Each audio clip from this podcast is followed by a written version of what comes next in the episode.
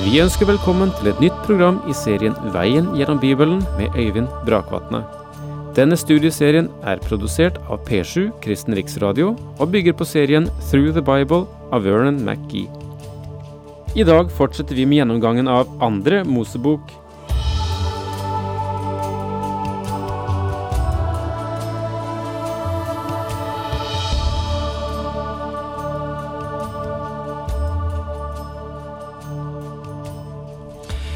Min gamle, prøvede mor, hun eh, hadde det tungt av og til. Ja, sikkert ganske ofte mer enn jeg kunne skjønne, som var den minste i en barneflokk på fire. Men når det kunne da bli trasig og vanskelig, så husker jeg at jeg av og til kunne si ja, mor, nå, nå ser det litt grann mørkt og vanskelig ut. Og da svarte hun på sin lakoniske måte, nå ja, sier hun, det pleier nå å bli verre alltid før det blir bedre. Og um, det er nå så sant, så sant. Av og til så blir det verre før det blir bedre, og det er en slik situasjon vi har akkurat her i bibelstudiet, der vi nå er kommet i annen Mosebok kapittel fem. Eh, Moses er kommet tilbake til Egypt og skal utfri Israel men det resulterer i første omgang i at eh, farao legger større press på folket og driver dem hardere og presser dem til større ytelser, ennå han har sikkert satt eh, eh, høyt press på dem før også. Men nå økes det på fordi at han er redd for at folket skal fare. Og så leser vi 2. Mosebok kapittel fem versene seks til åtte, og der sluttet vi sist. Samme dag gav farao fogdene og folkets arbeidsformenn denne befaling. Heretter skal dere ikke gi folket halm til mursteinen, slik som dere før har gjort. De skal selv gå og sanke seg halm. Men dere skal kreve like mye murstein av dem nå som før. Dere skal ikke slå av på tallet, for de er late. Derfor skriker de. Vi vil dra av sted og ofre til vår Gud. Og det farao tenkte var at Israel ba om fridager. Han resonnerte som så at hvis de ønsket fridager, så var årsaken at de ikke arbeidet hardt nok. De fikk ikke lenger utlevert halm og ble tvunget til å produsere samme antall murstein og samtidig selv samle halm til produksjonen. Deres daglige oppgaver øket og la et meget sterkt press på dem. Og så står det fra vers 15 slik. Da gikk israelittenes arbeidsformenn og klaget til farao og sa, Hvorfor gjør du slik mot dine tjenere? Vi får ikke halm, og likevel sier de at vi skal lage murstein. Og så blir dine tjenere slått, enda det er dine folk som har skylden. Men farao sa, Late er dere, late. Derfor sier dere, vi vil dra av sted for å ofre til Herren. Gå nå og arbeid. Halm får dere ikke, men dere skal komme med murstein, så mye som er fastsatt. Israelittenes arbeidsformenn skjønte at de var ille ute da det ble sagt dere får ikke avslag i tallet på murstein, fullt dagsverk hver dag. Da de kom ut fra farao, møtte de Moses og Aron som sto og ventet på dem. De sa til dem, måtte Herren rette sine øyne mot dere og dømme dere, fordi dere har vakt uvilje mot oss hos farao og hans tjenere. Dere har gitt dem sverd i hånden til å drepe oss med. Israels folk anklaget Moses og Aron for at de var blitt påført ekstra byrder. De anklaget disse to mennene for å hindre dem i stedet for å hjelpe dem, og ga farao en unnskyldning for å gjøre livet enda mer uutholdelig for dem. Da vendte Moses seg igjen til Herren og sa, Herre, hvorfor har du fart så ille med dette folket? Hvorfor har du sendt meg? Fra den stund jeg gikk fram for farao for å tale i ditt navn, har han gjort ondt mot folket, og du har ikke berget ditt folk. Ja, Moses er utålmodig. Han klager over Guds handlemåte. Jeg har kommet hit for å utfri dem på ditt ord, men i stedet for å la dem fare, så har farao bare gjort livet vanskeligere for Israels barn.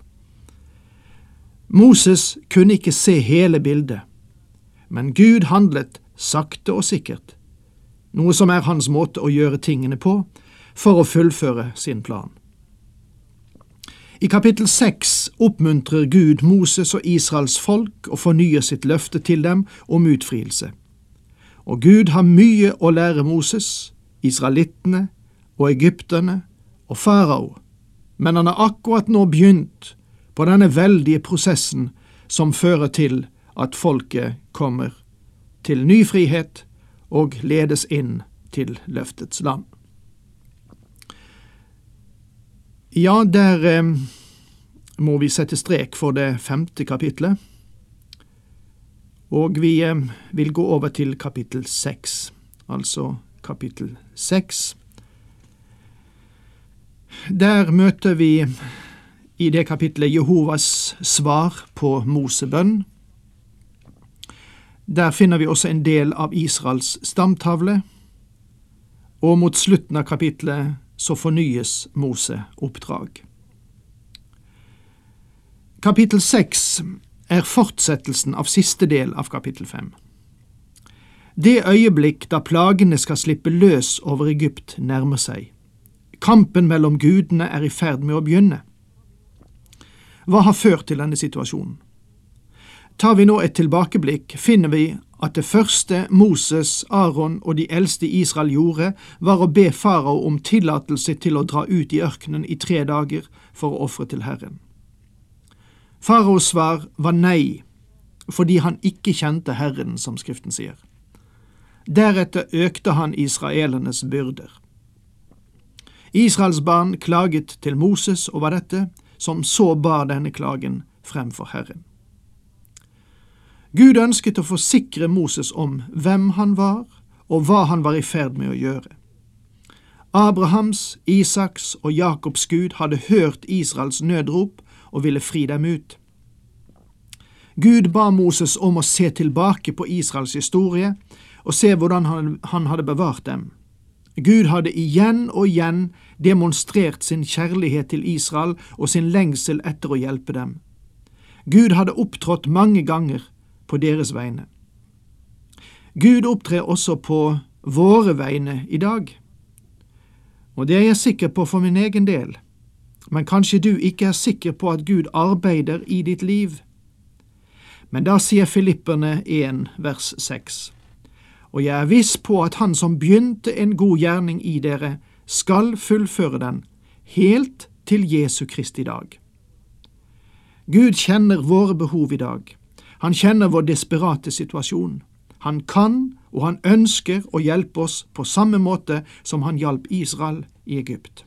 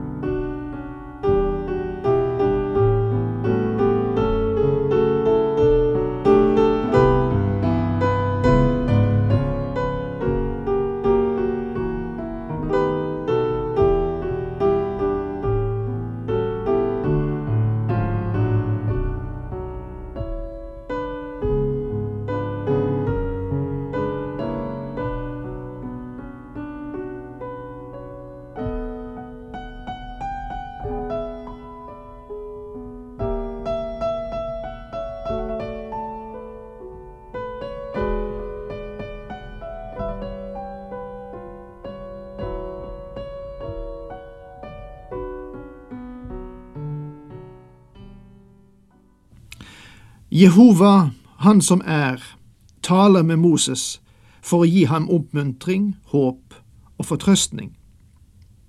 Og så står det i det første vers i kapittel seks. Da sa Herren til Moses, Nå skal du få se hva jeg vil gjøre med farao. Tvunget av en sterk hånd skal han la dem fare. Ja, tvunget av en sterk hånd skal han drive dem ut av sitt land. Herren sier til Moses at det er han som er Jehova, den som styrer og rår. Han behøver ikke å gjøre forberedelser for fremtiden. Han er den eksisterende, og han trenger ingen reserver. Gud er ikke avhengig av noe i skapelsen. Han støtter seg ikke til noe.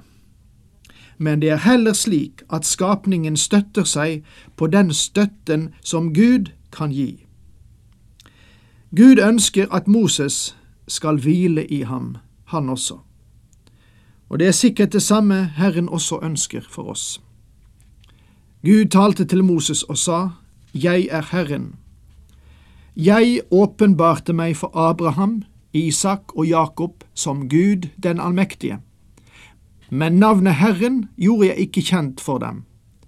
Jeg opprettet også min pakt med dem og lovte dem Kanaan, det landet de bodde i som fremmede og utlendinger. Nå har jeg hørt hvordan israelittene sukker fordi egypterne holder dem i trelldom, og jeg kommer min pakt i hu. Gud sier til Moses at han hadde åpenbart seg for Abraham, Isak og Jakob, men ikke som Jehova. Gud, som Jehova, skulle forløse sitt folk, adoptere dem som sitt eget, frir dem fra lenker og føre dem til løftets land. Gjennom disse hendelser ville de lære å kjenne Gud som Jehova, en del av en karakter som han ikke hadde åpenbart for Abraham, Isak og Jakob. Og det syns jeg er verdt å merke seg. I versene seks til åtte åpenbarer Gud de sju jeg vil som hører forløsningen til. Og disse versene maler et fantastisk bilde for oss og var til stor oppmuntring for Moses på den tid. Gud gjør kjent hvem han er, og hva han skal foreta seg. Vi har, kjære venner, en frelser i dag som forteller oss hvem han er og hva han akter å gjøre. Han er villig til å frelse til det ytterste alle dem som kommer til ham. Og så står det, si derfor til israelittene, jeg er Herren, jeg vil føre dem bort fra tvangsarbeidet som egypterne har lagt på dere, fri dere fra trelldommen og løse dere ut med utstrakt arm og med veldige straffedommer. Jeg vil ta dere til mitt folk og være deres Gud. Dere skal få kjenne at jeg er Herren deres Gud, som løser dere fra tvangsarbeid i Egypt. Så vil jeg føre dere til det landet jeg med ed har lovt Abraham, Isak og Jakob, og det vil jeg gi dere til odel og eie. Jeg er Herren. Dette er vers som er verd å grunne på og stanse for og merke seg, og vi skal ta dem opp igjen neste gang, men nå er vår tid ute. Takk for denne gang, Herren med deg.